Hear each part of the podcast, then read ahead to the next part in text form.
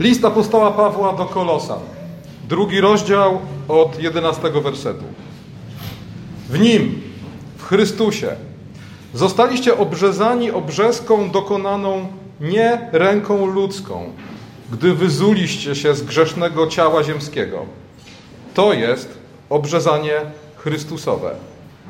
Wraz z nim zostaliście pogrzebani w chrzcie, w którym też zostaliście wespół wzbudzeni przez wiarę w moc Boga, który go wzbudził z martwych i was, którzy umarliście w grzechach i w nieobrzezanym ciele waszym, wespół z nim ożywił, odpuściwszy wam wszystkie grzechy.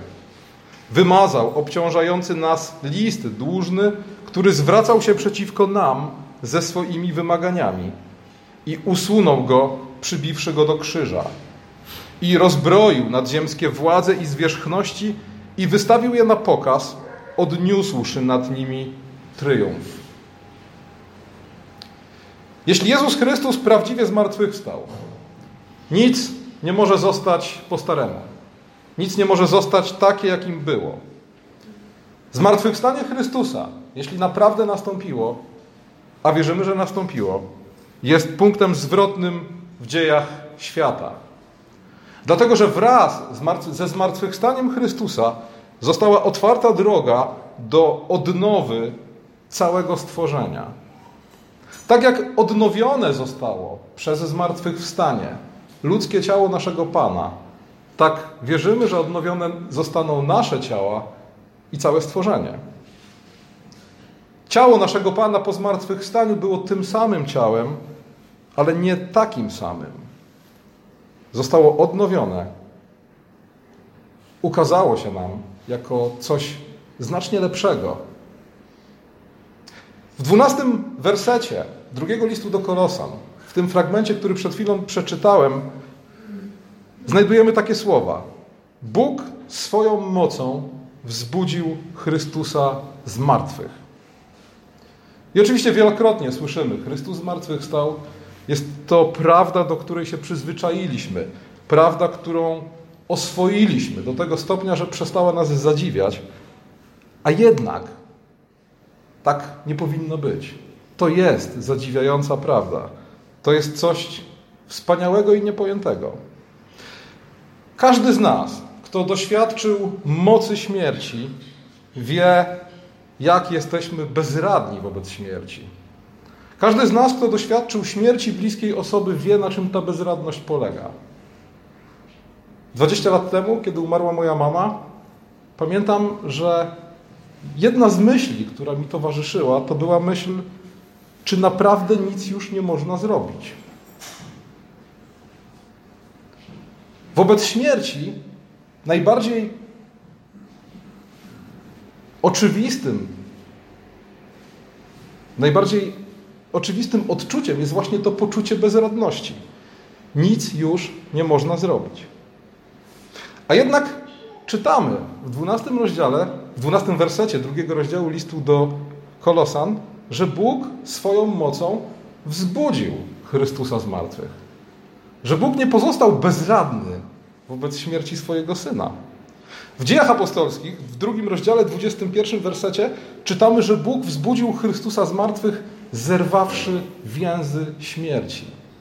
I to jest niesamowity obraz. Rzeczywiście, kiedy patrzymy na śmierć, mamy wrażenie, że śmierć to kajdany, śmierć to więzy, wobec których nic nie jesteśmy w stanie zrobić. Jesteśmy związani i nie jesteśmy w stanie się ruszyć. A jednak Bóg wzbudził Chrystusa z martwych, zerwawszy więzy śmierci. Zerwawszy więzy, wobec których my jesteśmy bezradni. Ale apostoł Paweł we fragmencie listu do Kolosan, który przed chwilą przeczytałem, mówi jeszcze więcej. On nie tylko, Bóg nie tylko wzbudził Chrystusa z martwych, ale też rozbroił nadziemskie władze i zwierzchności i wystawił je na pokaz, odniósłszy nad nimi tryumf. A więc Bóg nie tylko uwolnił Chrystusa z więzów śmierci, Bóg wrogów Chrystusa, wszelkie zło, szatana i samą śmierć potraktował jak starożytny triumfator swoich wrogów. Powiódł ich w swoim zwycięskim pochodzie, wystawiając ich na pośmiewisko. To jest nieprawdopodobny obraz. Rzadko wyobrażamy sobie Chrystusa jako wojownika. Myślę, że częściej powinniśmy to robić. Bo list do Kolosan właśnie tak go przedstawia. Chrystus najpierw zrywa więzy śmierci, a potem wystawia na pośmiewisko swoich wrogów. Diabła, zło i śmierć. Sam zrywa ich kajdany i prowadzi ich w kajdanach po to, aby ci, którzy dotąd budzili grozę, stali się pośmiewiskiem. Będziemy dzisiaj śpiewać w trakcie komunii piękną pieśń o zmartwychwstaniu pańskim i tam też pojawiają się takie słowa. Dziwna wszczęła się wojna, śmierć z życiem się zmagała. Choć srodze była zbrojna, połknięta śmierć została. Wtargnął Pan w jej groźny gród. Śmierć odtąd pośmiewiskiem. Dokładnie to stało się, kiedy Chrystus zmartwychwstał. I słuchajcie, ten obraz wojownika, Chrystusa wojownika, jeszcze bardziej podkreślają rany Chrystusa, o których czytamy, że w swoim zmartwychwstałym ciele Chrystus nadal nosi na tym zmartwychwstałym ciele ślady po gwoździach i po włóczni. Ostatnio oglądamy z żoną bardzo ciekawy serial o wikingach. E, trzeba przyznać, że krwi leje tam się sporo, ale jedna rzecz jest bardzo ciekawa. Ci wojownicy wikingów, oni wszyscy są, no, oczywiście są przystojni mężczyźni, natomiast są dość mocno pocięci w różnych miejscach i noszą rany po wielu bitwach, natomiast absolutnie ich nie ukrywają, absolutnie nie traktują ich jak coś, co szpeci, tylko właśnie jako powód do chwały. I mam wrażenie, że te rany na zmartwychwstałym ciele Chrystusa to jest właśnie coś, co dodaje jeszcze Jego zmartwychwstałemu ciału chwały. To są te rany odniesione w boju, w boju zwycięskim, w boju, który zakończył się wystawieniem na pośmiewisko Jego wrogów. Ale jeśli Chrystus odniósł, jako ten wielki wojownik, triumf nad grzechem i śmiercią, to dlaczego nadal umieramy? Dlaczego ten triumf nie jest dla nas taki oczywisty dzisiaj? Otóż dlatego, że w Bożej opatrzności zwycięstwo nad śmiercią odbywa się niejako w dwóch etapach. W pewnym sensie śmierć jest pierwszym wrogiem, którego pokonał Chrystus, zerwawszy więzy śmierci. Czytamy w pierwszym liście do Koryntian, w 15 rozdziale, gdzież jest o śmierci zwycięstwo Twoje? Gdzież jest o śmierci żądło Twoje? Żądłem śmierci jest grzech. Kiedy Chrystus zwyciężył śmierć, możemy powiedzieć, że pozbawił śmierci jej żądła. Ale w pewnym sensie śmierć jest ostatnim wrogiem. I o tym też mówi apostoł Paweł w pierwszym liście do Koryntian w 15 rozdziale. Cytując Psalm 110, Paweł mówi o Chrystusie, że Chrystus musi królować, dopóki nie położy wszystkich nieprzyjaciół swoich pod stopy swoje, a jako ostatni wróg zniszczona zostanie śmierć. A więc ten triumf Chrystusa wygląda w sposób następujący. On, kiedy zerwał więzy śmierci, pozbawił śmierć jej żądła. I to jest bardzo ważny początek, bo śmierć pozbawiona żądła nie jest już tym, czym była. Dla nas wierzących po zmartwychwstaniu Chrystusa śmierć nie jest już czymś, co może nas w jakikolwiek sposób oddzielać od Chrystusa. Apostoł Paweł mówi nawet w liście do Filipian: śmierć to zysk. Dlaczego? Dlatego, że kiedy umrę, będę z Chrystusem. A więc w tym pierwszym etapie Chrystus pozbawia śmierci jej żądła, po czym wstępuje do nieba, zasiada po prawicy Ojca, obejmuje panowanie, oczekując, aż poprzez Ewangelię, poprzez zwiastowanie Ewangelii na świecie, poprzez wzrost Jego Królestwa, wszyscy Jego wrogowie zostaną poddani pod Jego stopy i na końcu, kiedy powróci w chwale, przypieczętuje zwycięstwo nad ostatnim wrogiem. Tym wrogiem, który był pierwszy i ostatni, nad śmiercią. I wtedy śmierć, która teraz już pozbawiona jest swojego żądła, zostanie unicestwiona. Dlaczego tak się dzieje? Dlaczego śmierć nie została zniszczona od razu? Dlatego, że w Bożej opatrzności całe stworzenie ma przejść tę samą chwalebną drogę, przez którą przeszedł Chrystus. Całe stworzenie ma doświadczyć zmartwychwstania, a żeby zmartwychwstać, trzeba umrzeć.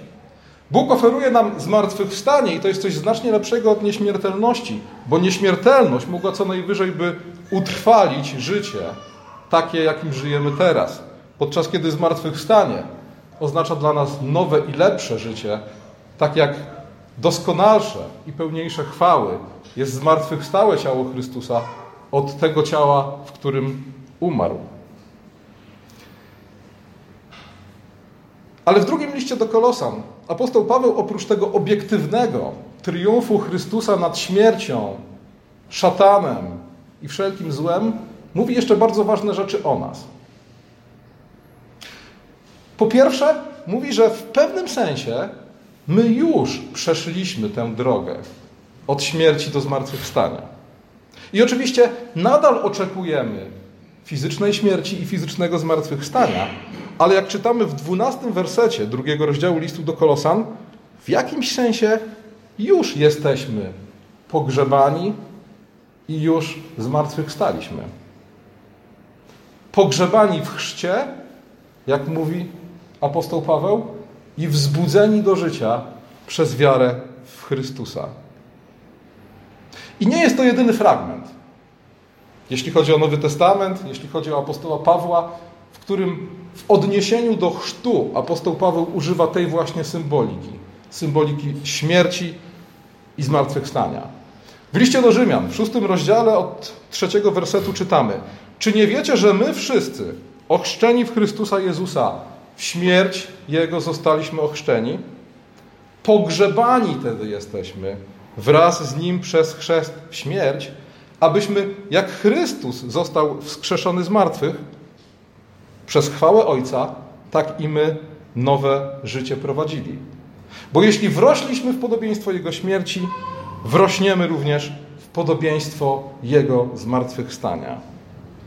A zatem chrzest jest znakiem tego, że umieramy z Chrystusem już teraz. Dla grzechu, dla tego, co złe, dla tego sposobu życia, jaki prowadziliśmy bez Boga, i powstajemy z martwych do nowego życia w wierze. I co ciekawe, apostoł Paweł w tym samym fragmencie odwołuje się do starotestamentowego symbolu obrzezania. I okazuje się, że ten starotestamentowy symbol, symbol obrzezania wskazywał nam na tę samą duchową rzeczywistość, na którą wskazuje chrzest.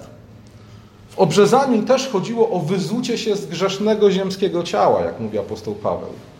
A zatem i chrzest, i obrzezanie o tym samym nam mówią, to samo nam komunikują. Komunikują nam to, że jeśli należymy do Boga, powinniśmy porzucić życie w grzechu i żyć po nowemu. Jeśli Chrystus prawdziwie zmartwychwstał, nic nie może zostać po staremu.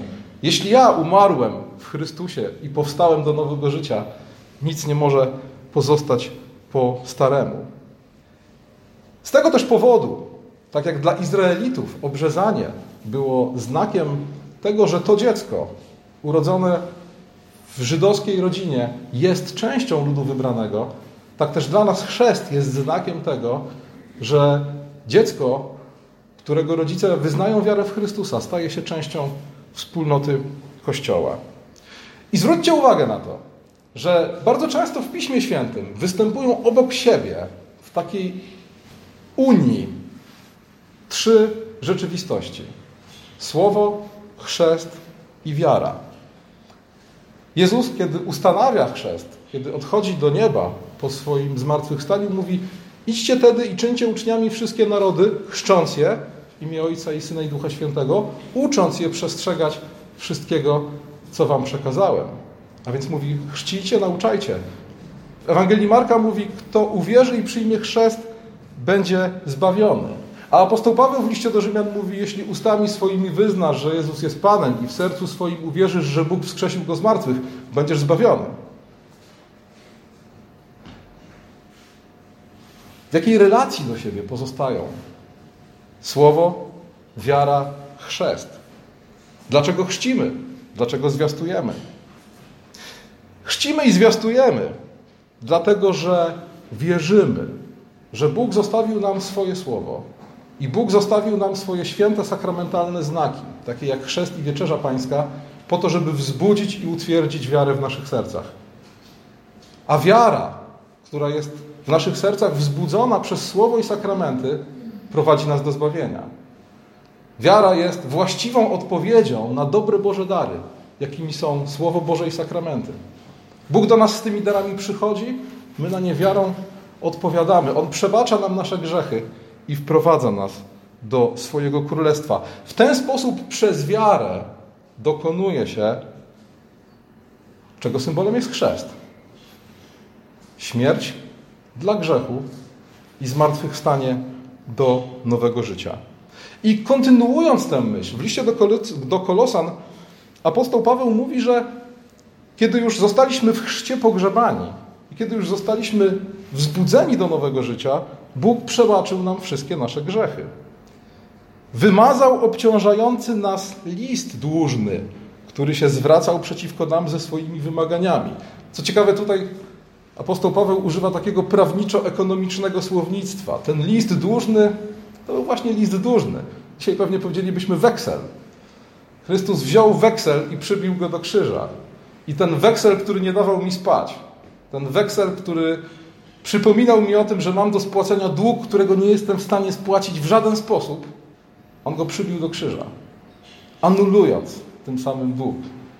Weksel uszkodzony jest nieważny. To tak jako prawnik mogę dodać od siebie. Więc przybity do krzyża tym bardziej.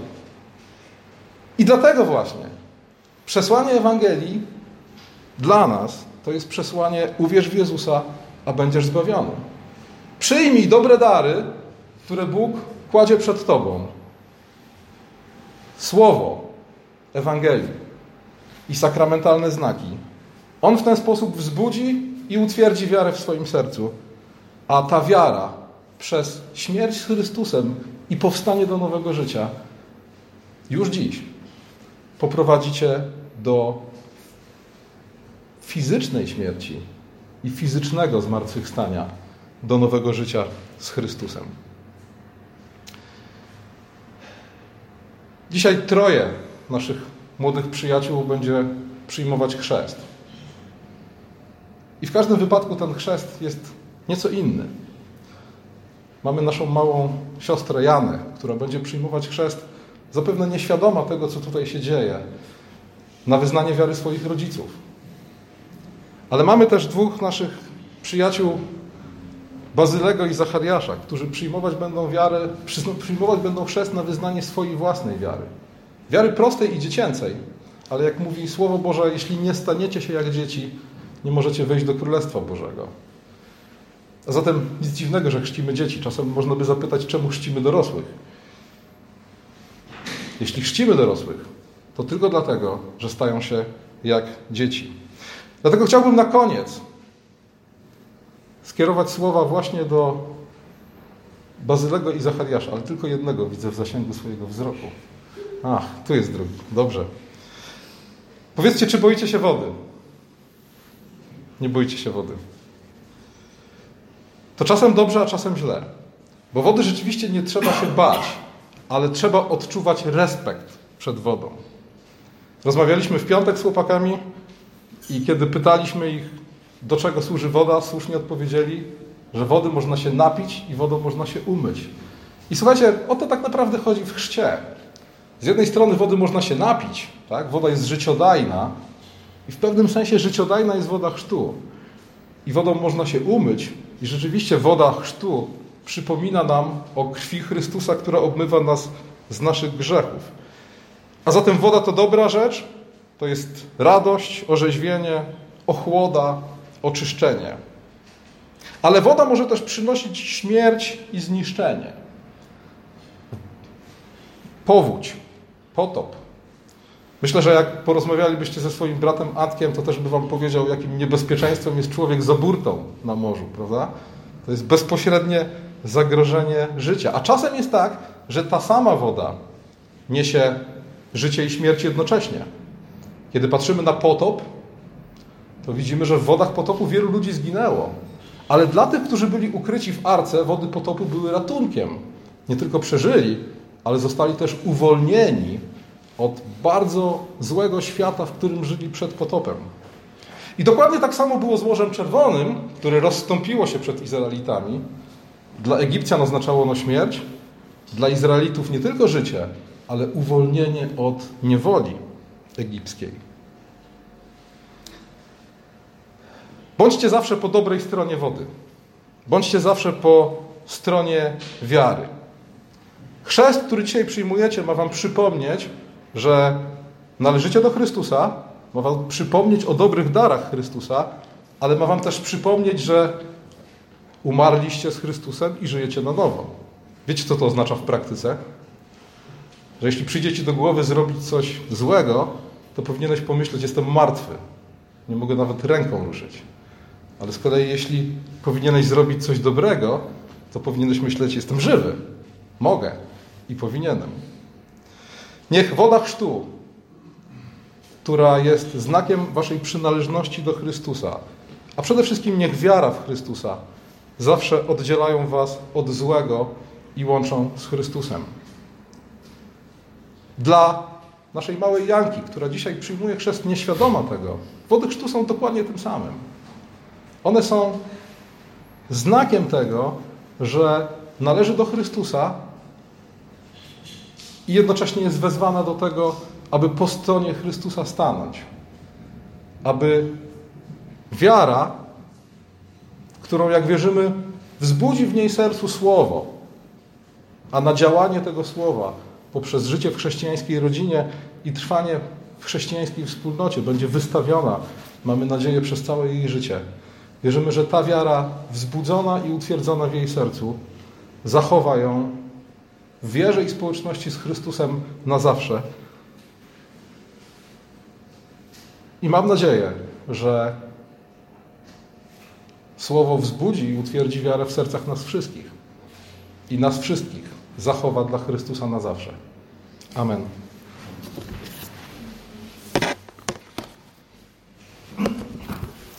W odpowiedzi na zwiastowane słowo